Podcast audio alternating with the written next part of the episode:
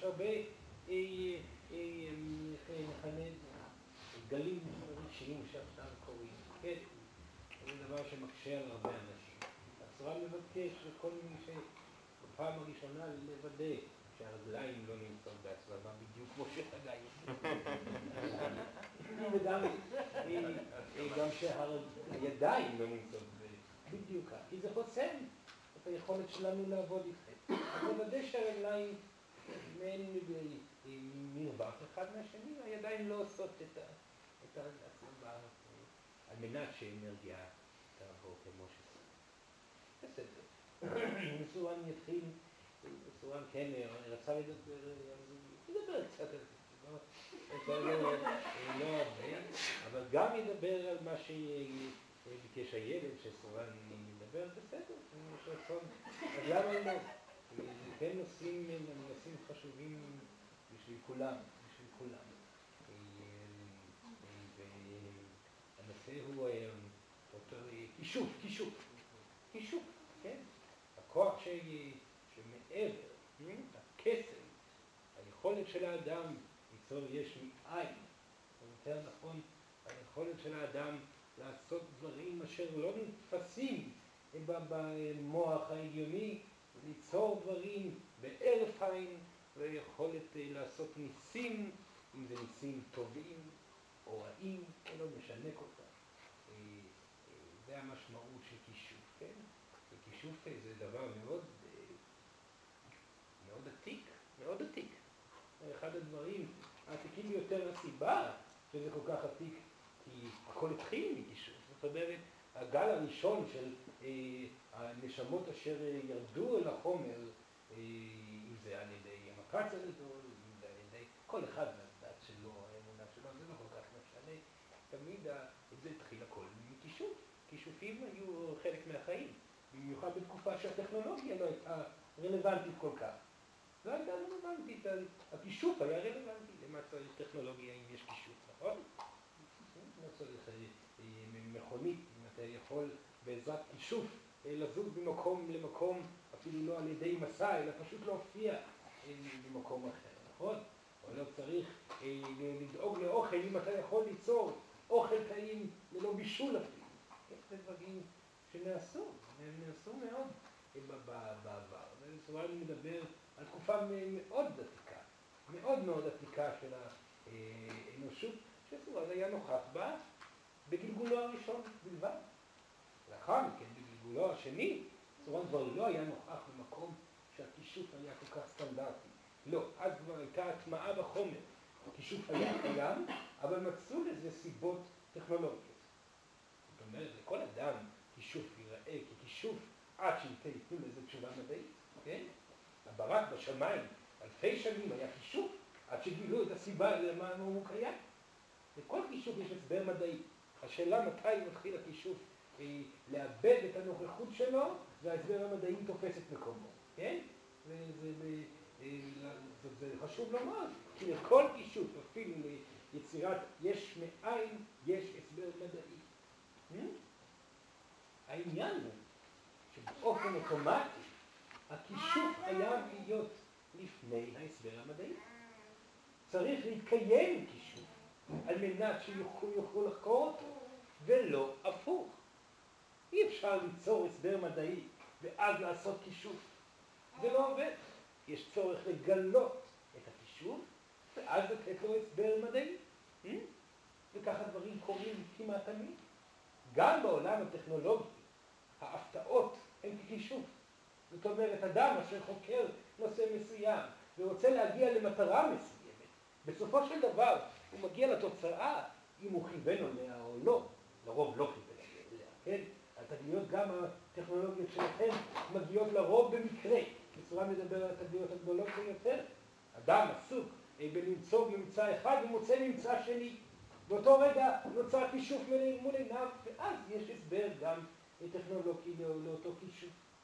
כן, גם הדברים שנעשים עכשיו יותר ויותר מהר, אם זה המדע הביולוגי שלכם, שסוף סוף הגיע, סורן חייב להגיד, מאוד מאוחר, היכולת ליצור איברים פנימיים, אלו דברים שאצל סורן בתקופת חייו היו קיימים מאוד, ואין בזה שום דבר רע ליצור איברים פנימיים, כי אם איבר מתקלקל, למה לא להחליף אותו?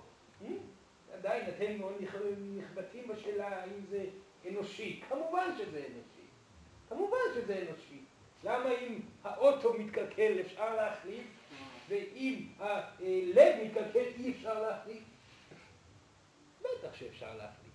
האם זה משנה משהו מבחינת הנשמה? כן. אבל כנראה זה רלוונטי. אבל זה נושא אחר לגמרי. לא רוצה להיכנס אליו, כי אם סורן להיכנס אליו, דברים להיכנס לתחום הכישוף הוא מציאות. העניין הוא, האם האדם מספיק מאמין בכישוף על מנת שהוא יקרה, נפנה לא יכולה לשבת. כן, היא יכולה לשים משהו.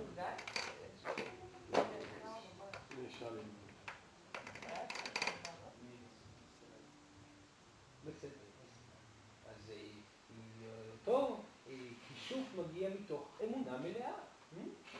אמונה מלאה במטרה שהאדם מנסה ליצור כרגע. גם הכישוף עבר תהליך. ובוא סורן עכשיו ייכנס לנושא לעומק.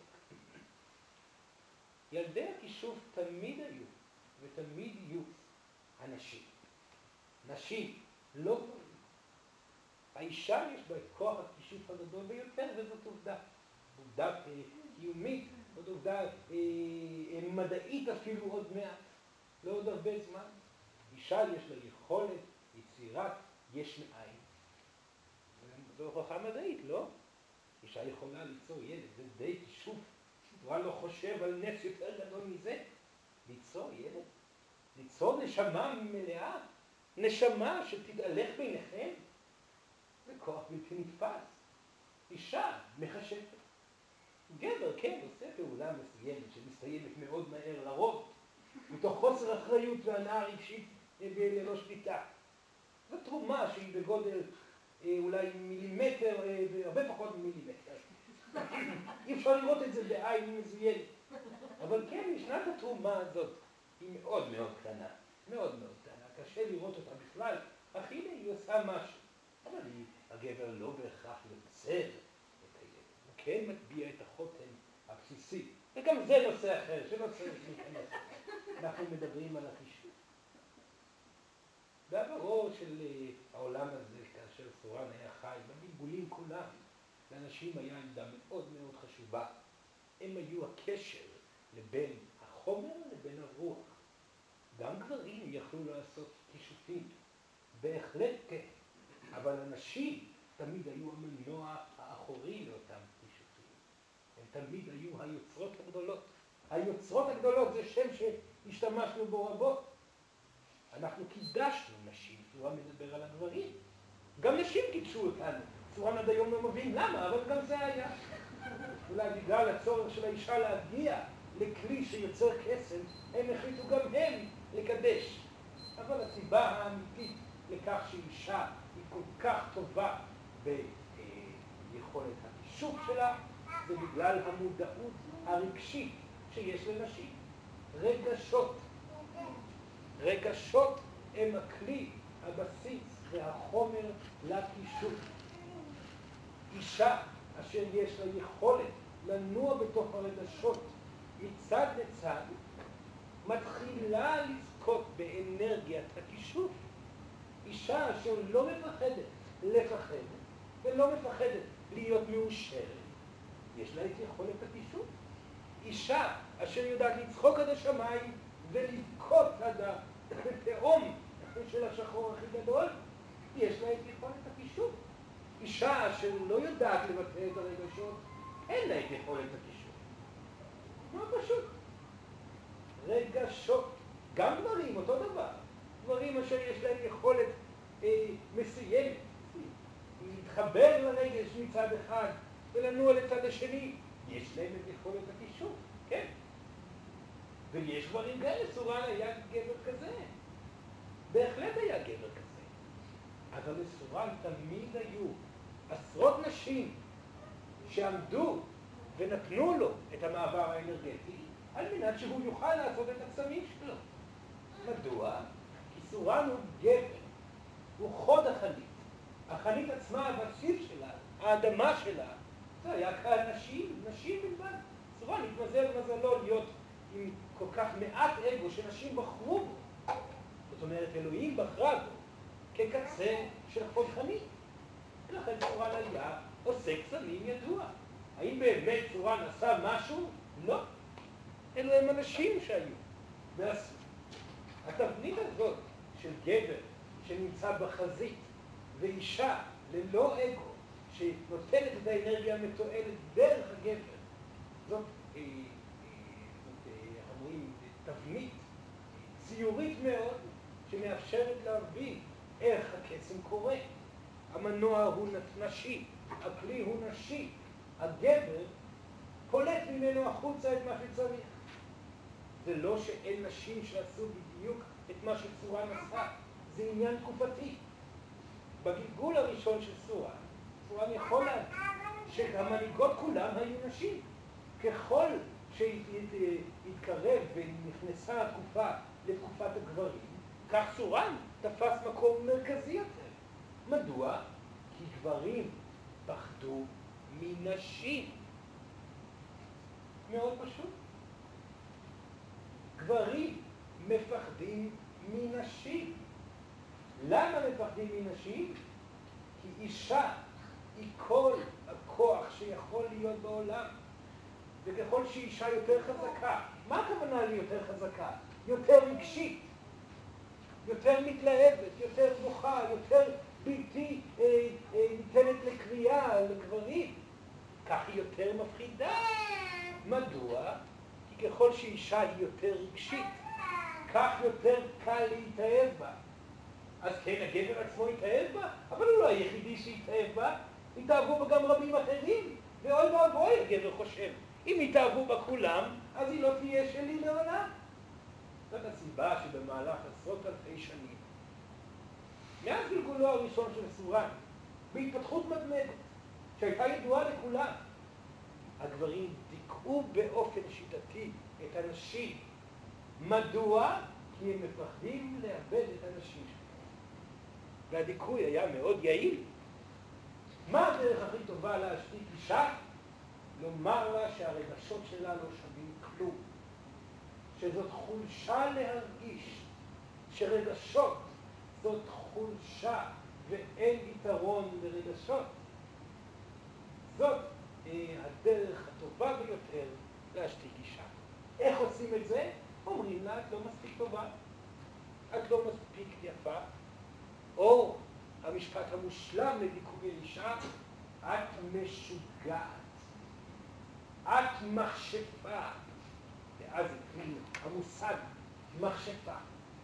ואוי, כמה נשים בעשרות אלפי השנים האחרונות, וכמה נשים שיושבות פה בחדר, נרצחו על היותן מכשפות.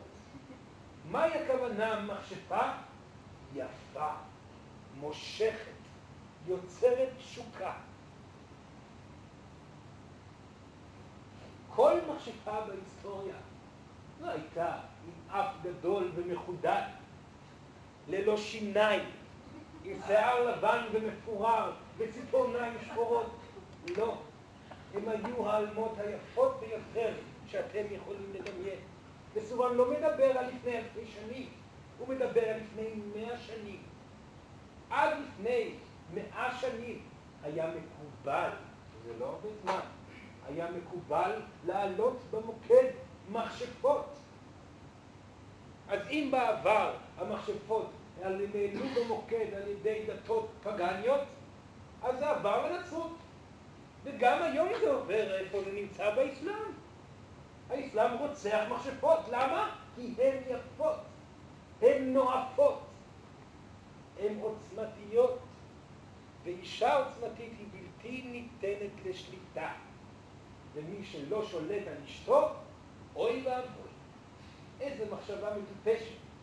כי הרי ברור שאם גבר ישלוט על אשתו, היא תפסיק להיות אישה. אם גבר יחנוק את אשתו, היא תפסיק להיות קוסמת.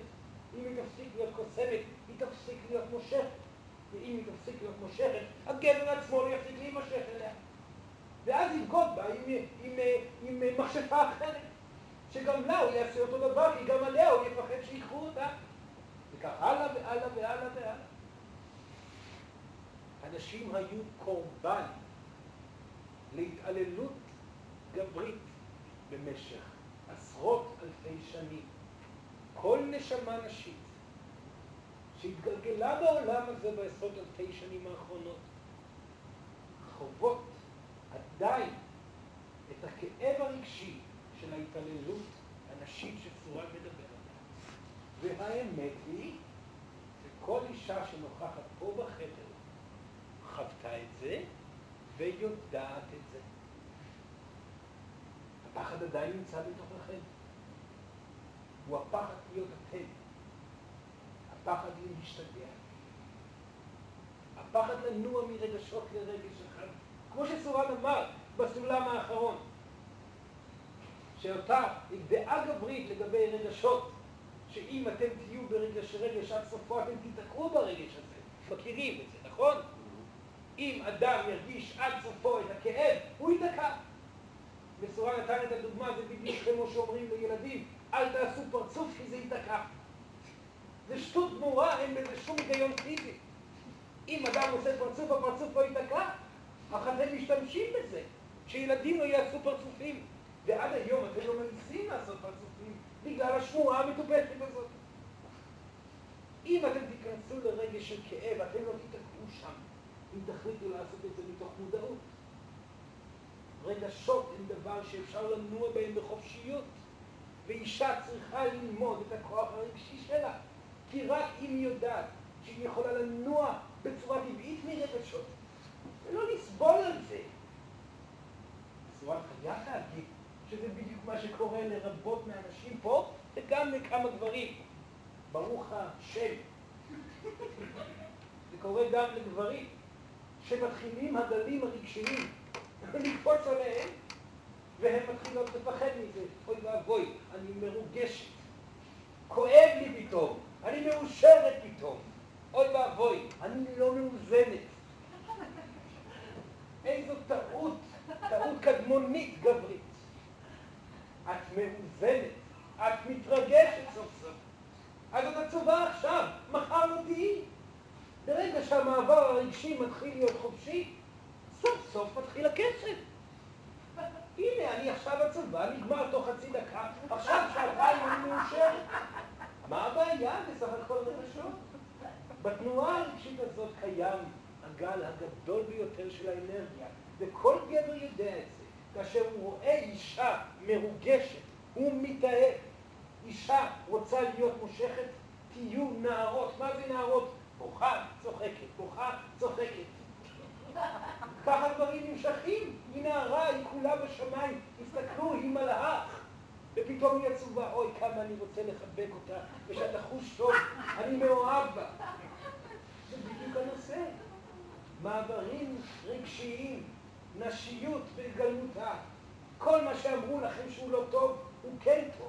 ואמרו לכם את זה עשרות אלפי שנים. וסוף סוף מגיע המקום שאישה יכולה לזכות סוף סוף בחופש האמיתי שלה. לא להיות מפוחדת מהעוצמה הרגשית.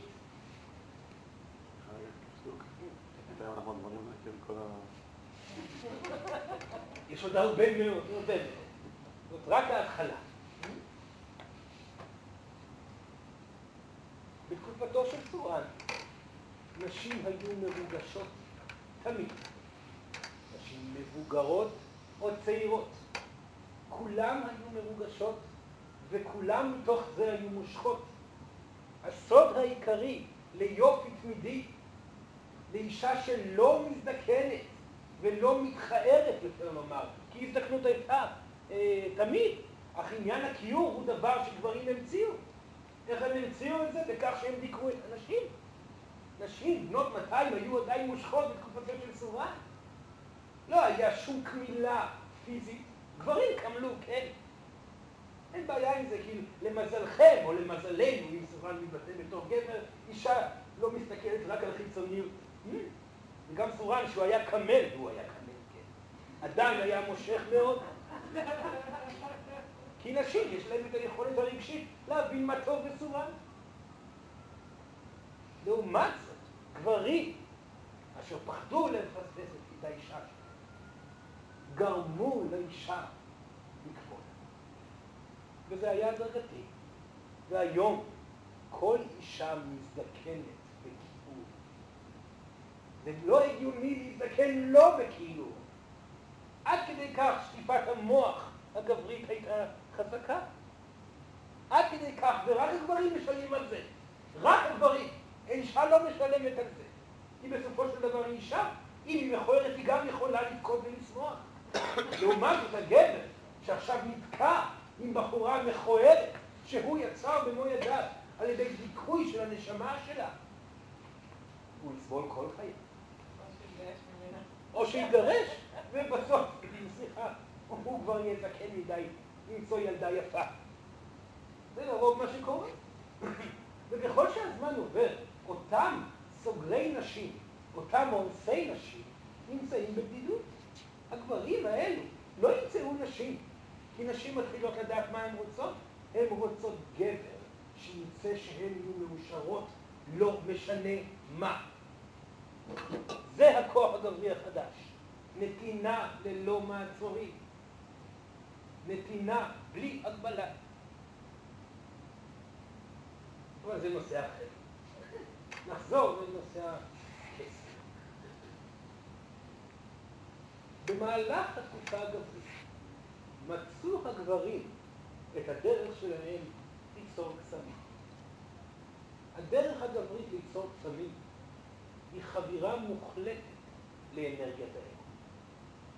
זה מה שאתם מכנים מגיה שחורה. היא עוצמתית מאוד מאוד. היא אפשרית, ומי שיתמסר אליה יצליח לעשות אותה. כמובן, יצליח ועוד איך.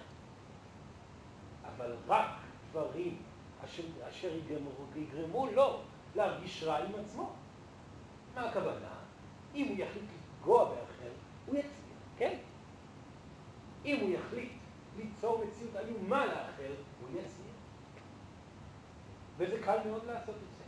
כולכם מכירים את האנרגיה הגברית בפעולה. פשוט דוחפים אנרגיה החוצה. כולכם בתור ילדים עשיתם את זה. דמיינתם את עצמכם הורסים ונהרס. כולכם בתור ילדים בחנתם את האנרגיה האגואיסטית בתור פעולה, וישנם כאלה שעושים את זה עד היום. ומאוד מפותחים עם זה. אין הרע זה נקרא, כן? והרבה יותר מזה. ישנם אנשים שבעזרת האגו שלהם יכולים להזיז דברים ממקום למקום. ישנם אנשים שבעזרת האגו שלהם יכולים להרוס ולהשכיב אנשים על הרצפה מפחד. לאמלל את כל הסביבה שלהם. לעשות ניסים ודברים, למדו את הדרך ועוד היו מומחים בזה. ונשים, נשים שחברו לאגו ולצד של הקסם האגואיסטי, היו חזקות עוד יותר מגברים. העניין הוא שגבר יכול בקלות לעלות על זה שיש פוטנציאל ולהרוג אותם מהר יותר. הייתה מלחמה כזאת בין נשים אגואיסטיות וגברים אגואיסטיים. העניין הוא שבעולם של אגו יש חומר, וגבר יותר טוב עם חומר. הוא יכול לא רק אה, לפגוע במחלה בעזרת, בעזרת האנרגיה השחורה, הוא יכול גם לדקור עם סכין. ואישה לא יכולה להגן על עצמה בצורה מספקת, כי היא לא מספיק חומרית. לכן היה ניצחון בתחום הזה. כל אחד יכול כאן להתנהל מקסם האגו. כל מי שרוצה פה יכול לחבור לאנרגיית האגו. אתם כן יכולים להיות מחשבי אגו, אם אתם רוצים בכך. אבל סורן יכול להבטיח לכם דבר אחד, אתם תרגישו רע מאוד. וכך תהיה המציאות שלכם, במיוחד בתקופה של קרמה כל כך מעניין. כי אם אחד מכם יחליט לעשות אין הרע לאחר, הוא יצליח. העניין שהאשמה הזאת תגרום לקרמה מאוד מהירה, וחס וחלילה לפגיעה אצלכם ואת כל האנשים שאתם אוהבים, גם בהם תפגעו. זה קורה מיד בימינו. לכן, הקרמה מבטלת את הקשר, את הקישוב האגואיסטי. כי אנשים בימינו, בימים האלו פה עכשיו, מתחילים להיפגע מאוד מתוך פעולה אגואיסטית של תנועת מגיה שחורה. הם עושים מעשה ומיד זה חוזר אליהם. ולאט לאט הם מבינים שזה כבר חומר חורך. מי שרוצה לחבור למגיה השחורה, הוא יצא מפוחם, הוא יצא עלוב ואומלל. וזה בדיוק מה שקורה לאותם מחשבים גדולים שקיימים בעולם הזה עדיין, ומשתמשים במגיה השחורה. וישנם ספרים שלמים של איך לעשות יישוב מתוך אגו. להזיז אנרגיה, איך לפגוע באנרגיה, איך ליצור אנרגיה, איך להרוויח כסף, איך להפוך זהב מחומר חול או כל דבר אחר. איך ליצור מציאות מתוך דמיון. זה אפשרי. ככל שמאמינים בזה יותר, זה עובד יותר. לכן כאשר לא לפני הרבה זמן יצא הספר המאגי השחור כל כך, הסוד, הוא הצליח. כי הסוד באמת נכון. אפשר ליצור מציאות מתוך מחשבה, זה לוקח הרבה זמן. במיוחד למי שלא מאמין. אך מי שמאמין יכול ליצור לעצמו מציאות, יכול ליצור לעצמו אוטו יפה, יכול ליצור לעצמו בית יפה, אבל הבית הזה יהיה מאגו. מה הכוונה? הוא בא מתוך מרגשה של מחסור, הוא בא מתוך רצון לקבל ללא עבודה עצמית. הבית הזה יגרום לסבל לאותו אדם שיקבל את הבית. ולאט לאט הוא יאבד את כוחו ביכולת האגואיסטית שלו. המאגיה השחורה הזאת היא בעייתית מאוד מאוד מאוד לפועלים איתה, והיא בעייתית אפילו עוד יותר לאלו שמושפעים מאותו אדם שפעל. אתם יכולים לפעול עם האגו, אבל כמו שאתם יודעים, זו אני ממליץ לכם. כי מה שיקרה בסופו של דבר הוא עוד אגו. כתוצאה מפעולה עם אגו מגיע עוד אגו. ועוד, מה אומרת האנרגיה הנשית? מהו הקסם הנשי? התורה הנשית אומרת דבר אחד פשוט. כל אדם הוא כלי, הוא צינור, וגם הוא צינור. דרך כל אדם יש יכולת להעביר אנרגיה שמקורה מהאלוהים. לא האדם עצמו יודע מה להעביר בתוך הצינור, לא, אלא אלוהים מחליטה מה להעביר בתוך הצינור. אם האדם עצמו יגיד, אני הולך לרפא את החבר, ואני יודע איך לרפא את החבר, זאת האנרגיה של האדם עצמו. אם האדם עצמו יגיד, אלוהים, רפי את החבר, דרכי, זה כבר יותר קרוב לאמת. ואז האנרגיה האלוהית חודרת ועוברת דרך האדם. אך שימו לב, אין אגו בדבר. אין אגו בדבר. האדם שמרפא באמת הוא צינור אמיתי להמונים, ויש כמה כאלו בעולם, בהחלט. יש גברים וישנם נשים. אם תשאלו אותם מי מרפא, הם לא יגידו אני. מי שמרפא זה האדם, זה הישות של הידיד. או אלוהים בעצמה. זה לא אני מרפא, אני סך הכל מניח את ידיי, מבקש בקשה, והאנרגיה זורמת. אני מאמין לחלוטין שזה יקרה, והאנרגיה זורמת. ולפעמים זה הולך ברגרסיה ואז מתקדם, ולפעמים יש נס מיידי. כי אלוהים מעבירה את האנרגיה דרכי, וזאת היא האמת.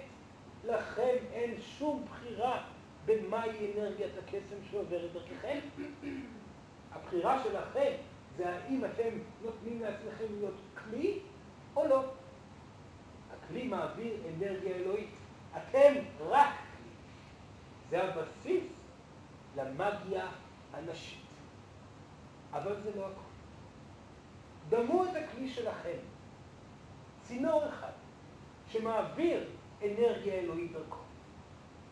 בתוך הצינור הזה ישנו לכלוך. צינור מלוכלך. הצינור מלוכלך משתי דברים עיקריים. דבר ראשון, אגו. אגו הוא הלכלוך העיקרי שקיים בתוך הצינורות שלכם.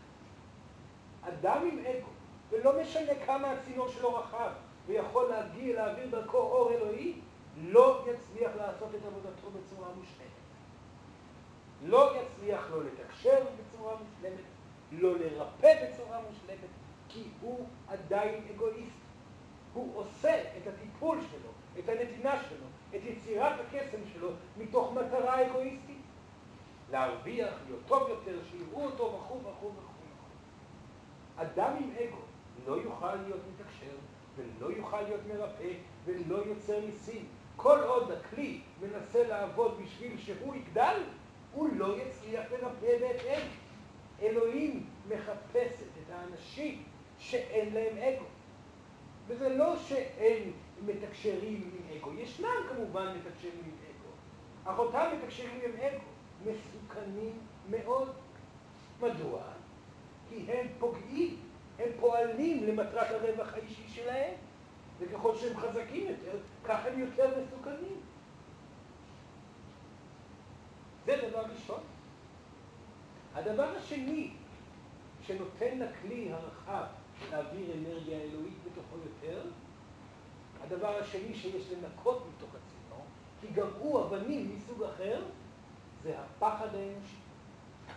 פחד הוא גורם עיקרי לתקיעה של אנרגיה. הצינור, כאשר הוא ללא פחד, מעביר כוח הרבה יותר גדול החוצה אל הסביבה. לכן, וזה מה שסורן מבקש מכם להבין, מי שרוצה להיות מחשב, מכשפה, מי שרוצה להיות מחשב, מי שרוצה להיות מחשב, מי שרוצה להיות מרפא, מי שרוצה להעביר אנרגיות גבוהות דרכו, לא יעזור לו שהוא ילך ללמוד סדנה של תקשור שבועיים. זה לא יעזור לו, אולי קצת בהתחלה. גם לא יעזור לו שילך ללמוד סדנה של ריפוי שנה, או שנתיים, או שלוש. זה טוב, כן, כי זה נותן לו מידע בסיסי. אבל זה לא מה שיהפוך אותו למרפא, למתקשר, לקוסם, למכשפה הגדולה. לא. זה קורס הרבה יותר ארוך, ילדים. לנקות אגו ולנקות פחד. מי שרוצה להיות מחשב גדול, צריך להגיע למצב שהוא פועל רק מתוך ההרגשה הטובה שיש בנתינה. מי שרוצה ליצור יש מאין, צריך להגיע למצב שהוא לא מפחד מדבר, לא מכישלון וגם לא מפגיעות. אדם שלא מפחד מהדברים הללו, האנרגיה של דרכו עוברת היא גדולה יותר ויותר ויותר. לכן העבודה העצמית היא הדרך לפתח את כלי הכישוף. וזאתי האנרגיה הנשית. זה מה שסורן עשה כל חייו כאשר היה חי, זה מה שכל האנשים סביב סורן פעלו ועבדו, ניקיון האנרגיה של האגו ושל הפחד מתוכם, ומתוך זה כל אחד עבר לכישוף שלו. אחד היה מרפא, אחד יצר אה, טכנולוגיה, אחד עשה ניסים, אחד, כל אחד בנושא הכישור שלו, אחד עשה מוזיקה או כל תחום אחר. העניין שהעבודה החשובה ביותר היא סביב האגו וסביב הפחד. וככל שהכלי נקי יותר משתי הפרטים האלו, כך אנרגיה גדולה יותר עוברת דרכו. וזאת היא הדרך היחידה להיות מחשבים ומכשפות בעולם שמגיע עכשיו. פורם כן יכול להושיב אתכם במעגל הזה מהפעם הראשונה שראה אתכם והיה אומר לכם, עצמו את העיניים, בואו נתחיל לתקשר. ויש הרבה מורים אצלכם היום שעושים את זה. אלוהים לא רוצה מתקשרים ומרפאים עם אגו. היא לא רוצה בכלל מרפאים ומתקשרים. היא רוצה אנשים מאושרים, שמתוך העושר שלהם עוברת האנרגיה שלה דרכם. ככל שאדם יותר מאושר, הוא נקי יותר לכסף. ואם תיקחו מספר נשים מאושרות ותשימו אותם ביחד, כמה כסף אפשר לעשות? העניין שאין מספר כזה עכשיו. אין מספר נשים מאושרות. העושר שאתם חווים עדיין הוא לא קרוב לעושר הנשי שיכול להגיע בעולם הזה. נשים עדיין מפתחות את עצמן בתחום הזה. וסורן מאוד שמח שזה קורה, אך זה עדיין לא הגיע. כאשר יהיו מספר נשים מאושרות, הם יחוללו ניסים בכל מקום שהם ילכו. אבל הם יעשו את זה ביחד. והם לא יגידו מעולם ללא אה, צד אה, לפני מה הם הולכות לעשות. כי אלוהים תגיד להם בכל רגע מה לעשות. ואז קבוצת מכשפות תתחיל להתנועע בעולם הזה וליצור ניסים. וקבוצת מחשבים יחברו אליהם גם כן. ובהתחלה כן, האנרגיה הגברית עדיין תצטרך להיות הפנים. Hmm? עדיין יהיו כאלו כמו סורן. כמו שסורן עושה עכשיו. הוא גבר. הוא בוחר להיות גבר כי אתם עדיין מאמינים לגברים. אתם מושפעים מהאנרגיה הגברית. סורן יכל להיות אישה עכשיו. אתם בחרתם שסורן יהיה גבר, בסדר, סורן משחק את המשחק איתכם. אבל הסיבה שאתם לא יכולים לראות עדיין מנהיגה, זה מפחיד את הגברים מדי, זה מרתיע את הנשים מדי. זה הולך להתפתח בעשרות שנים הבאות. אז כן, לאט לאט יהיו הצעדים הללו. והמשמעות של צעדי הרוח היא אובדן האקו והפחד. רק תחשבו עליכן נשים, מסתובבות בעולם מבלי לפחד מפגיעות, מבלי לפחד מנטישה, מבלי לפחד מכל הדברים שעשו לכם בעבר. הדרך היא קשה, היא לנצח את הפחד עצמו, והאנרגיה שתעבור דרככם היא גדולה הרבה יותר ממה שאתם חושבים. וניסים יתחילו לקרות, הם יתחילו לקרות, ולא באחריותכם, זה יקרה לבד. אלוהים תעביר את האנרגיה מולכם, דרככם. עליכם להבין, וזה אפשר לומר הסיכום. אם נסתכל על התמונה האוטופית שסורן מדבר עליה, אותה תמונה של אנשים אשר לא פועלים מתוך אגו, והם הפכו להיות מחשבים, מחשבים ומחשבות, אותם מחשבים ומחשבות לא יתכננו מה לעשות. כן, אני אזיז את הכוסות עכשיו. לא. זה היגיון גברי. אני מזיז את הכוסות עכשיו. למה? מדוע? כי זה טוב לי לראות את הכוסות זזים, והנה אני חזק ועוצמתי. אגו טהור. תנסו להזיז ככה כל היום וכל הלילה, לא תצליחו לעשות כלום. אבל אם אלוהים תעבור דרככם, זה לא אגו. השאלה הראשונה תהיה, למה אתה רוצה להזיז את הכוסות הללו? האם זה יתרום לך בכלל? האם תרוויח משהו מזה שתזיז את הכוסות הללו? התשובה היא לא. האגו ירוויח, אבל אני לא. אז איפה הקסם, אלוהים תגיד לכם? תמתין. אני אחליט מתי הקסם יפעל. כי ברגע שאתה תעמוד מול ים סוף, ולא תהיה ברירה, ולא תהיה ברירה כי כאן אתה אחראי על מאות אלפי אנשים, אז והקסם יפתח את הים לשניים.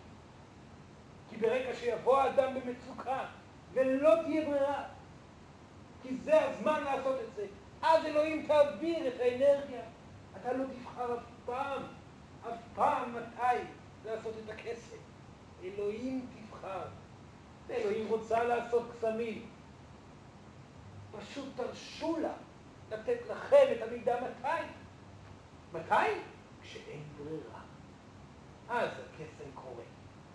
לכן השליטה על הקסם בעולם הנשי היא לא בידיים שלכם. וכל אחד בדרך שלו. תנועות, מילים, אמונה סינית, אמונה יפנית, אמונה ברזילאית, טיפול כזה או אחר, ריקוד, שירה, כל אחד בדרך שלו. להתמודד עם הפחדים, לפתח את עצמכם, לנצח את האגו. ואז הכישוף יחזור לעולם. וגם הכישוף הזה יהיה, יהיו סיבות טכנולוגיות. ואתם תגידו מה הסיבות הטכנולוגיות. אתם תראו שאתם תגידו אותם. וכן, אתם תוכלו להזיז דברים כשאלוהים תרצה. וכן, אתם תוכלו לרפא אנשים כשאלוהים תרצה. וכן, אתם תוכלו לפצל את ים סוף לשתיים כשאלוהים תרצה. וכן, אתם תוכלו לרחב באוויר רק כשאלוהים תרצה. בסדר, בסדר. כן, כן.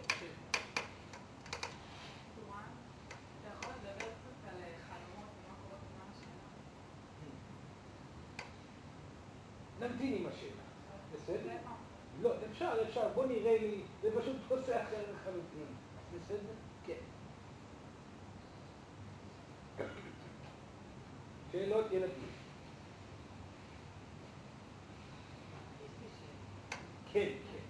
לפעמים קורה, אני יכולה להגיד לי, שכשאני מתחילה להתמקד באנרגיות והכל הזה, מאוד קשה לי להתחבר למקום הזה שלי. להיות מאושרת בשעה שהקסם יקרה דרכי, ו... ואז זה דווקא כאילו צוחק מאוד למטה. ואז מה עושים? כי כאילו התשובה היא, טוב, תתחברי ותהיי מאושרת, ואז הקסם יקרה, ו... אבל זה לא כל כך קל. לא, ממש לא קל. ממש לא קל. בשביל שהקסם יקרה בחיי של אילנה במצבים שכאלו, עליה לא להתחבר ולהיות מאושרת, ובמקרים מאוד מסוימים. אם יש משהו גורם קונקרטי שניתן לעשותו ולפתור אותו ולגרום לאילנה להיות מאושרת, אז זו פעולה רלוונטית. אך אם מדובר על רגש שלא קשור למציאות ולפעולה מסוימת, עליה לבכות. עליה ליפול עם הרגש לכיוון ההפוך. שם, בכיוון ההפוך, יהיה הפתרון, והיא תוכל שוב להיות מאושרת. אי אפשר לקפוץ מרגש שקיים לרגש אחר מתוך בחירה, לא. צריך או לפעול לפתרון אם יש גורם ספציפי שמכאיב, או לבטא רגשות. הביטוי הרגשי יחזיר אותה בחזרה למסלול הרלוונטי, ושוב היא תחיה את העושר ששם יקרה הקסם. אבל לא לפחד להתרגש. כי אם אתם בתור נשים, גם גברים, מרגישים כאב, דיכאון, סבל מסוים, שהוא לא קונקרטי לחיי היום-יום, הוא לא בגלל שאתם לא הצלחתם במבחן, או לא בגלל שאתם לא שילמתם את השכר דירה, או לא בגלל שאין לכם כסף או כל דבר כזה, אלא הוא סתם מגיע. זה הזמן להתרגש, סתם. לבכות כמה שצריך, ואתם תראו שאם תעברו לחלוטין שם, זה לא יקרה הרי כך הרבה זמן, זה יהיה חמש דקות. אך אם תיאבקו בזה, אוי, אני לא סובל, זה לא טוב להיות סובל וכל מיני דברים כאלו, זה ייתקע יום שלם, ואולי יומיים, ואז תנסו להשתיק את זה עם כל מיני פעולות לא טובות, כמו לראות טלוויזיה הרבה זמן, כמו ללכת ולשתות אלכוהול, או לקחת סמים, או לאכול, או כל דבר אחר. תנו לרגשות לצוף. תנו לכם להיסחף עם הרגש. אתם תרוויחו מתנה שם. אל תדאגו, אתם תחזרו בחזרה לאיזון ברגע שתצטרכו לעשות את זה. כן. זה אותו דבר עם הפחד? כמובן, אם יש פחד שהוא לא מציאותי והוא מפריע לכם, תפחדו. אל תפחדו להיתקע, אתם לא תיתקעו. לא לפחד לפחד. אלא אם באמת יש משהו שצריך לעשות בשביל לפתור את הפחד, אז חייבים לעשות מעשה. כי כל הזמן אתה אומר, זה לא לפחד, לא לפחד, לא לפחד. נכון. אך לפעמים בשביל לא לפחד, יש צורך לעבור בתוך הפחד. אז אני אחזור פעם נוספת. לפחד יש פחד ממקור גלגולי, שהוא פחד ללא סיבה, ויש פחד ממקור מעשי, שהוא מגיע בגלל שאתם מתמודדים עם מחסור כלכלי, או מגיע בגלל שאתם מפחדים מכך שיש לכם בעיה בריאותית כלשהי. כל דבר צריך לפעול בצורה מדויקת. אדם עם, עם פחד קונקרטי חייב לפתור בעיה, שיפתור אותה, הפחד יעבור. אדם שאין לו, יש לו פחד גלגולי, צריך לבטא את הרגש. כמה זמן, ככל שתבטאו אותו יותר לעומק, כך זה יהיה יותר מהר. כן. יש משהו מבלבל בין הפער הזה, אה, כשסורן מדבר על, על הרגש, רגש, נגיד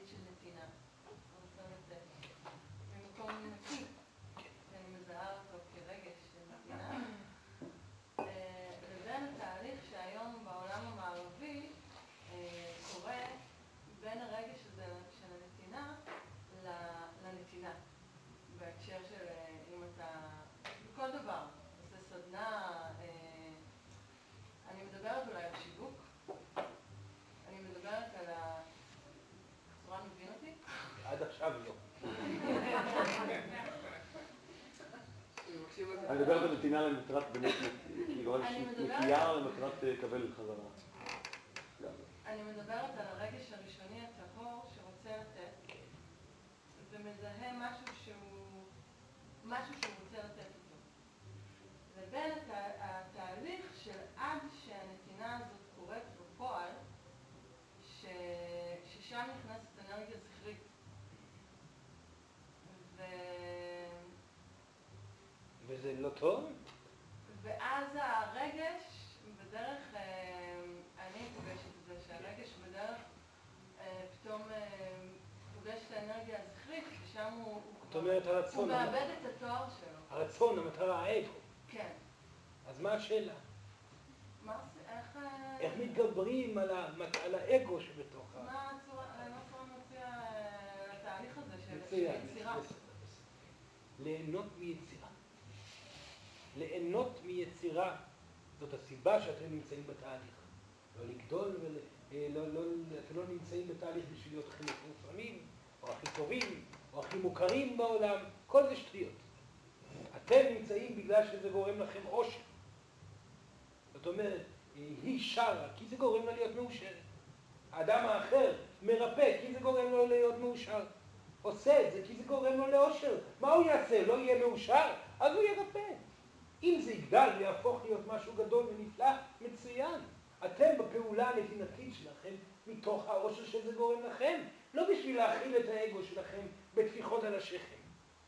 האגו שלכם לעולם לא יסבל. הוא רק יסבול ויסבול ויסבול ויגרום לכם להיות גם לא מדויקים. אתם תפעלו מתוך מטרה שהמטרה עצמה תלכלך את הנתינה שלכם והנתינה עצמה תתחיל לקטון. אדם שפועל בתוך אגו, מתוך רצון להיות מוכר ומוצלח, לרוב העסק שלו מתרסק. אדם שפועל מתוך אגו, סורה מדבר על התקופה הזאת, ובשביל להיות גדול וחזק ויפה וכו' וכו' וכו', לרוב מתחיל להיות בודד בחייו, והיה מעדיף לא להיות גדול, חזק ויפה, וסובל לרוב ממחלות קשות. אין להם את זאת המציאות, האגו יוצר ברמה כזאת, במהירות כזאת, זאת תוצאה. לכן, לא לבחור בדרך שלכם, בנתינה שלכם, מתוך מטרה אגואיסטית. לבחור בנתינה שלכם את הכיף והאושר האישי שלכם.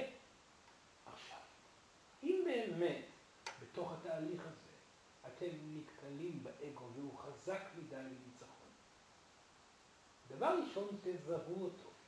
תבינו שהוא פועל שוב, הוא גורם לכם לתחרותיות, הוא גורם לכם למאבק, הוא גורם לכם למצוקה רגשית. תזהו את זה. אל תגבו אותו במילים אגואיסטיות. אל תגבו אותו במעשים של תחרותיות, של ניסיון להיות בולט וכו' וכו' וכו'. לא. תמנעו את זה, את זה. וכך יהיה יותר קל ויותר קל לפעול עם האגו שמגיע במטרה שלכם. למנוע את הנוכחות של האגו בעזרת מילים ופעולות שנובעות מתוך האגו. עצרו לפני שאומרים מילה. הפסיקו לפני שאתם עושים מעשה. לא להשקות חישוב. את זה. פעם נוספת? לא להשקות את זה. לא להשקות את זה, או לא לדחוף את זה. למנוע פעולות מתוך האגו, בשביל שהם לא יהפכו להיות אה, המניע הגלג- ה- ה- העיקרי בתוך המעשים שלכם. ואם במקרה האגו גדול מדי, וכן, אתם תחזרו את זה. כי יתחיל להיות חשש מאוד גדול, רגע, אני מוותר על הדבר להיות הכי טוב, אם אני לא אהיה הכי טוב, אין לי בשביל מה לחיות, כל מיני שאלות כאלה, מילים כאלה, אם אני לא הכי טוב, בשביל מה אני קיים? אני חייב להיות הכי טוב, אני חייב להיות הכי מוצלח, הכי מוכר. באותו רגע שהוא מתחיל להשתגע, והוא כן, הוא ישתגע, הוא יראה את המפלצת כולה, וזה ירגיש לכם כמצוקה איומה ונוראה.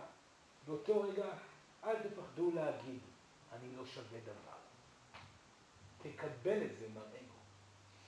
אנחנו כלום. לעולם לא נהיה מפורסמים, לעולם לא נהיה הכי טובים. אנחנו עושים את זה כי זה עושה לנו כיף. אתה כלום. אל תפחדו מלערוף את ראשו של האגו בעזרת המילה והמשפט הזה. אני לא שווה דבר. באותו רגע יכאב לאגו, אך שוב תחזרו להיות נקיים. הכלי נקי שוב. ואז תחזרו לעשייה הנעימה שלכם. זה דורש הרבה אומץ, אבל אתם תחוו את המתנות שיגיעו מתוך הפעולה הזאת באופן מיידי. כי הקרמה היום היא מהירה, ולפתע תהיה הצלחה, ולפתע יהיה קהל, ולפתע יהיו מטופלים, ולפתע יקרו דברים. למה?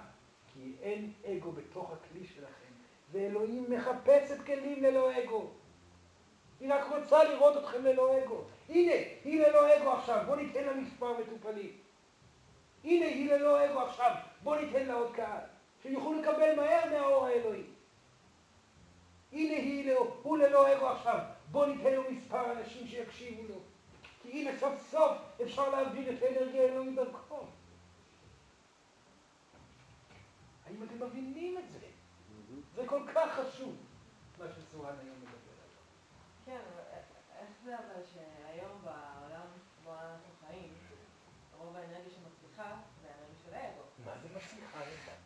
מבחינה כלכלית. כאילו, אנשים ש- שבאמת אה, רוצים... אה, אה, מי שמוותר על האגו, כן. וכמו שהדגש אמרה, מתעסק רק בנתינה.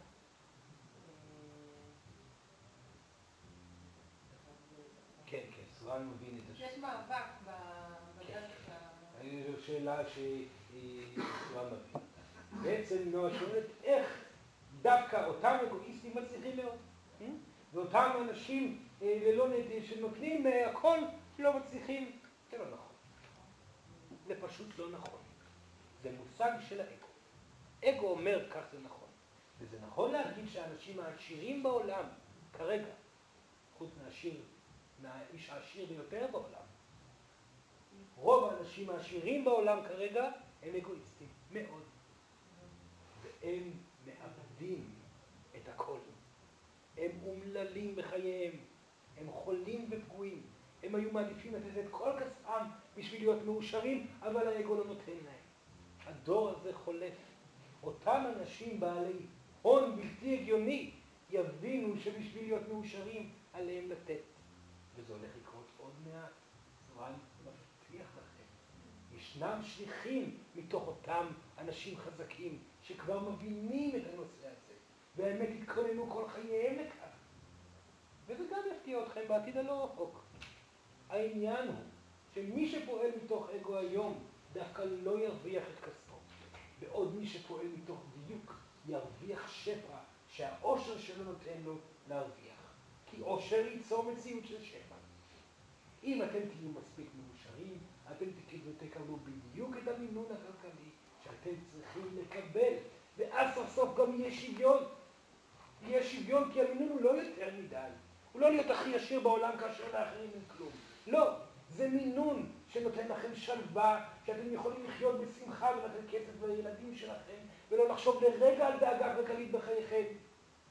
אבל זה לא לוקח מהמונים את הכל.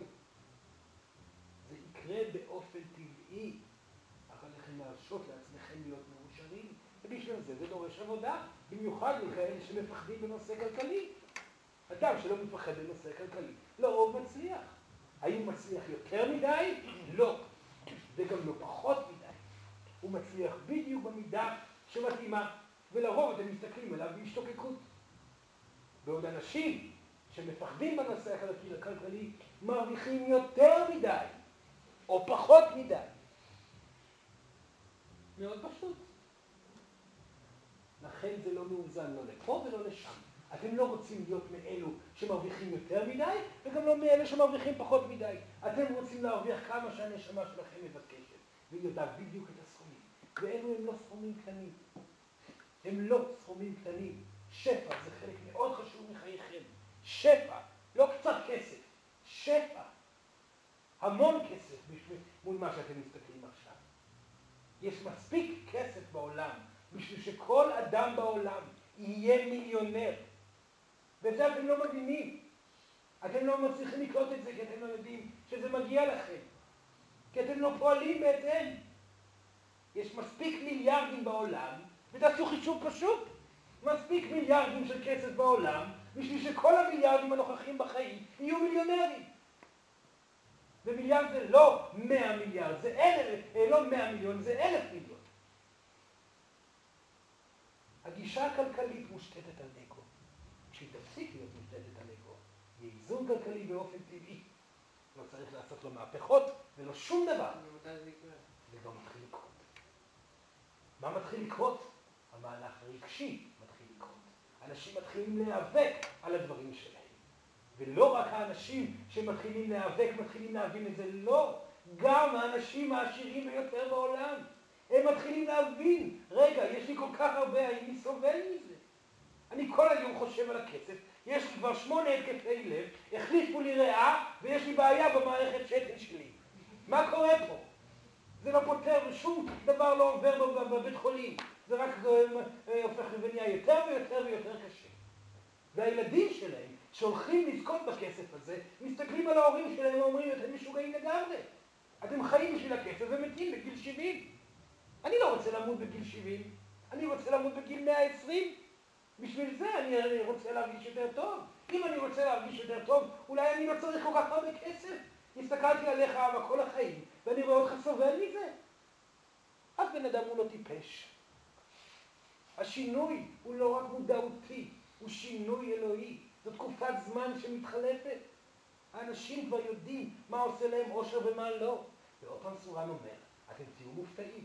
ישנם אנשים עשירים מאוד, מהעשירים בעולם, שמכל רגע ורגע הם מתכננים את השלם בצורה בריאה ומאוזנת, לגרום לעולם הזה להפסיק להיות עני.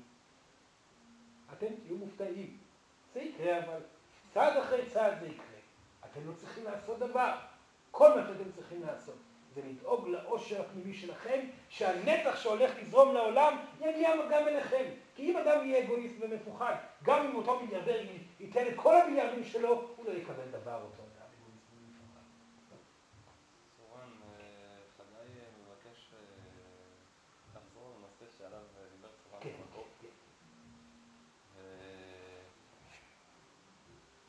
יש לי שני דברים. אחד, בקשה אישית בשבילי, אני מקווה שאני אזכה לשבת, לשמוע את סורן במעגל מדבר על מקור הפחד. מקור הפחד שמניע אנשים בעצם לעשייה שהוא אינו גלוי, אלא מניע אותם עד אשר אותו אדם מבין את מקור הפחד, ומבין אז את מקור העשייה שלו, או הסיבה לעשייה שלו. זאת אומרת, עשייה לא מדויקת. עשייה לא, עשייה לא מדויקת. פחד. עשייה מתוך פחד, אך הפחד הזה עוד אולי מלווה מתוך מקום של לידה, מקום שבו החוויות שחווינו אינן מודעות לנו עד אשר אנחנו באמת מגיעים לעומק כל הסיבות ושם מוצאים איזשהו פחד. והדבר השני שרציתי לומר הוא שחגי נתקל היום הרבה בנשים שהן עוצמתיות, אך אה, אני מוצא שהנשים עצמן אה, מחפשות את הכוח בגבר, והן, אה, האושר שלהן נקבע... יש. את הגבר. כן. להם... את הגבר. זה נפלא, נפלא, זה שאלות מאוד רלוונטיות, מה שחגי שאל עכשיו. דבר ראשון, אותן נשים, נתחיל מהשאלה השנייה דווקא, אותן נשים, מה שחגי פוגש, הוא צודק מאוד, הם רוב הנשים בעולם. רוב רובם. מעטות הם הנשים שהגיעו לתבונה הבסיסית הזאת, שאין צורך בגבר. שיש צורך בנתינה, לא בגבר, בנתינה על מנת להיות מאושרות. רבות הן הנשים שעדיין פגועות מגלגולים קודמים ומפחדות. בגלל זה הן מבקשות גבר שייתן להן ביטחון.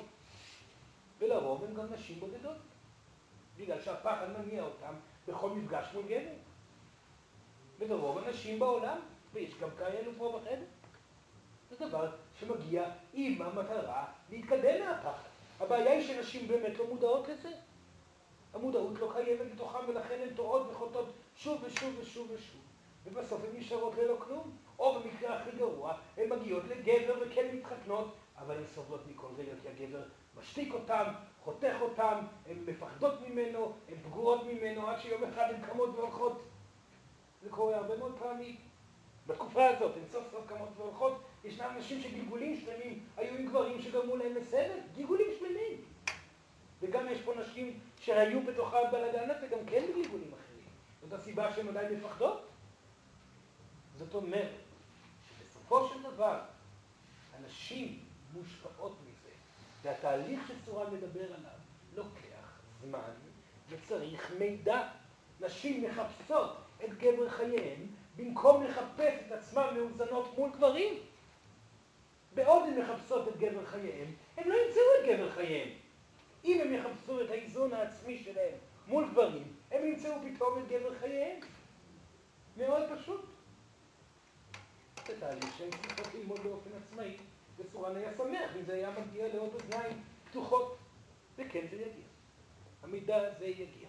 וזה ידרוש מהם התמודדות עם הפחדים שלהם, לומר אני לא מפחדת מלהיפגע. מה שאמרו לי על פגיעות הוא שקר. לא נתקעים בפגיעות, בוכים וזה עובר. זה הכל.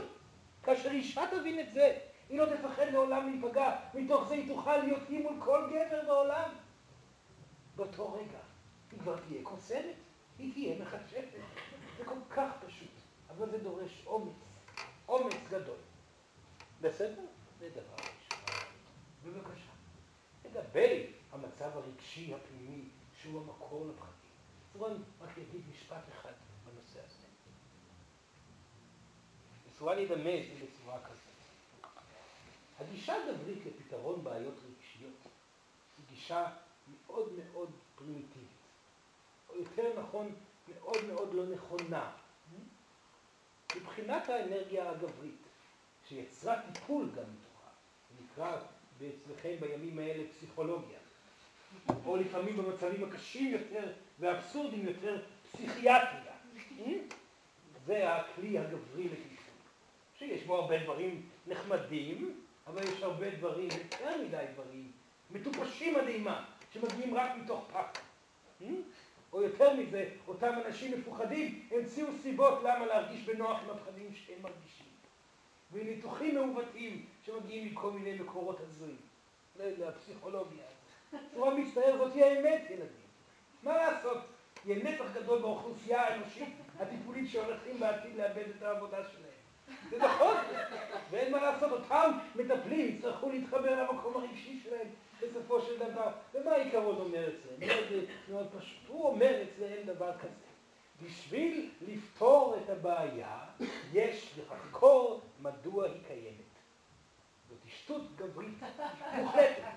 זאת אומרת, אם האדם יש לו בעיה במיניות שלו, צריך לבדוק למה המקור קיים. מה קרה? האם פגעו בו, אנסו אותו, הרסו לו כשהוא היה ילד? כמובן שזה לא פותר יותר מדי, כי לרוב הנבירה רק מכאיבה יותר ויותר, ולרוב אם יש מצבים יותר גרועים, שהמקרה הוא בכלל מגיע מגלגול קודם, ההיגיון הטיפולי הזה נרמס ונשחק ונעלם. וזאת היא האמת. זה לא שכולם חוטאים לזה. ישנם מטפלים פסיכולוגיים ופסיכיאטרים שכבר התחברו לרגש והבינו איך לפתור. צורה נושא הכללה, מדבר על האומנות של הפסיכולוגיה והפסיכיאטריה. הוא לא מדבר על המטפלים עצמם. ישנם מטפלים שכבר נכנסו לעולם הרוחני וכן כבר חוברים איתו, משתמשים בכלים הפסיכולוגיים ומשתמשים בכלים הרוחניים ואז יש נוצר איזון לאט לאט. הפתרון הרוחני הוא מאוד פשוט. אם אתם תסתכלו על מנהד הרגש תדמיינו לכם קו לבן שהופך או הפוך, כך קו שהוא כהה מאוד מהמקור שלו והופך ומתבהר. הנפגע, אותו אדם חולה, נמצא במקום מסומן אחד כלפי מעלה. אותה טכנולוגיה או גישה טיפולית גברית אומרת, אם כך, עליי לרדת צד למטה, לחקור אותו ולפתור את הדבר למעלה. הבעיה שאותו אדם כאשר הוא מגיע לפה, עדיין יש בעיה מתחת שיוצרת קו אחד יותר כיף. ואם הוא ילך למטה הוא יראה עוד מקרה ועוד מקרה ועוד מקרה ועוד מקרה ועוד מקרה עד לאין סוף השחור. הדרגות האלו יכולות להיפטר בעזרת גלגולים שלמים של טיפול פסיכולוגי, גלגולים שלמים. אז פתרתי את זה, ועכשיו אני אפתור את זה, ואפתור את זה. זה לא צריך להיות כך. כי אם האדם מצליח לבטא את כל הרגש בבת אחת, הקווים והסיבות מגיעים אליו. אדם שמצליח לבכות עד הסוף, מבלי לדעת למה הוא עצוב. מה זה משנה למה אני עצוב? אני עצוב עכשיו, נקודה. לכן אני חמש דקות, עשר דקות, יבכה ויבכה ויבכה. אני אדבר על כך שקשה לי. חמש דקות, עשר דקות, יפתח את ליבי, אבכה ללא סיבה. באותו רגע כל הגל הרגשי יוצא החוצה, והסיבות פתאום מגיעות לתובנה של האדם.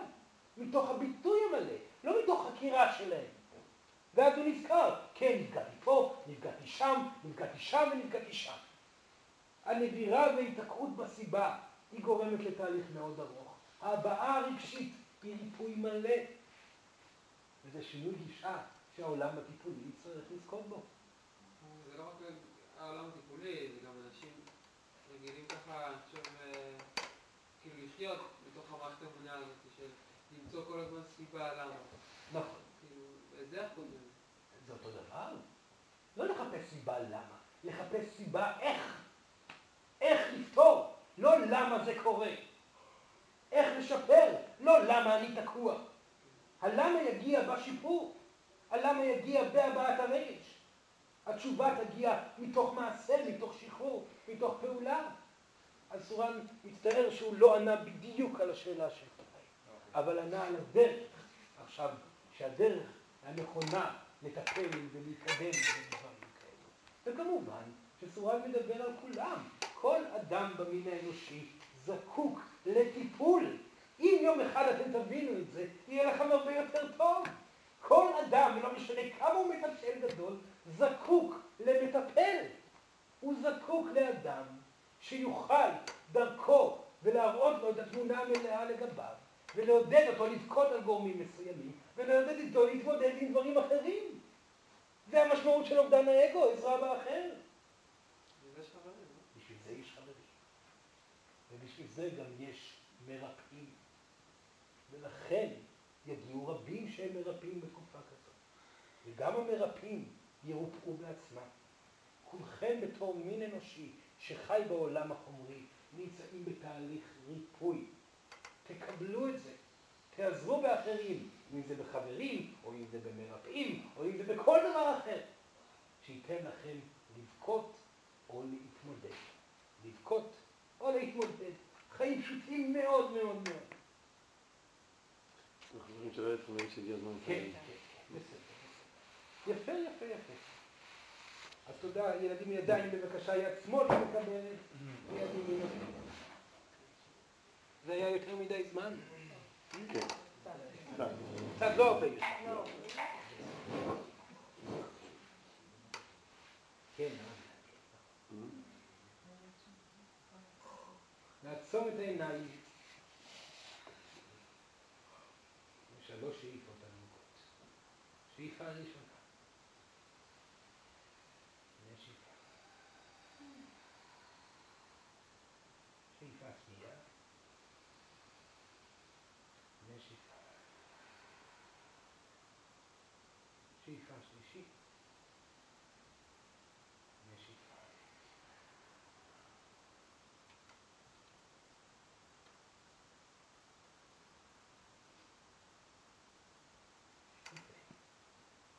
עדיין בעיניים עצומות. תורה מבקש מכם, כל אחד שימצא גורם שאליו הוא רוצה לתת. מישהו, משהו, שצריך לקבל. לא אתם עצמכם, משהו חיצוני. תבחרו בו, תתעמקו בו. ובנשיפה השלישית, סורן יגיד לכם לתת לאותו אדם, לאותו גורם, לאותו מישהו או משהו. אתם לא תתערבו במה עובר דרככם בנתינה הזאת. לא תנסו לרפא אותו או לגרום לו להיות מאושר. פשוט תיתנו לזרם לעבור דרככם באופן טבעי אל האדם. תהיו בנתינה מלאה, לתת, תיתנו מכל האנרגיה שלכם, אבל לא להתערב במה אתם נותנים. להיות עסוקים רק באדם שאתם חושבים עליו, או בגורם, לא בעצמכם. שלוש שאיפות עמוקות. שאיפה ראשונה, נשיפה. שאיפה שנייה, נשיפה. ושאיפה שלישית, נתינה.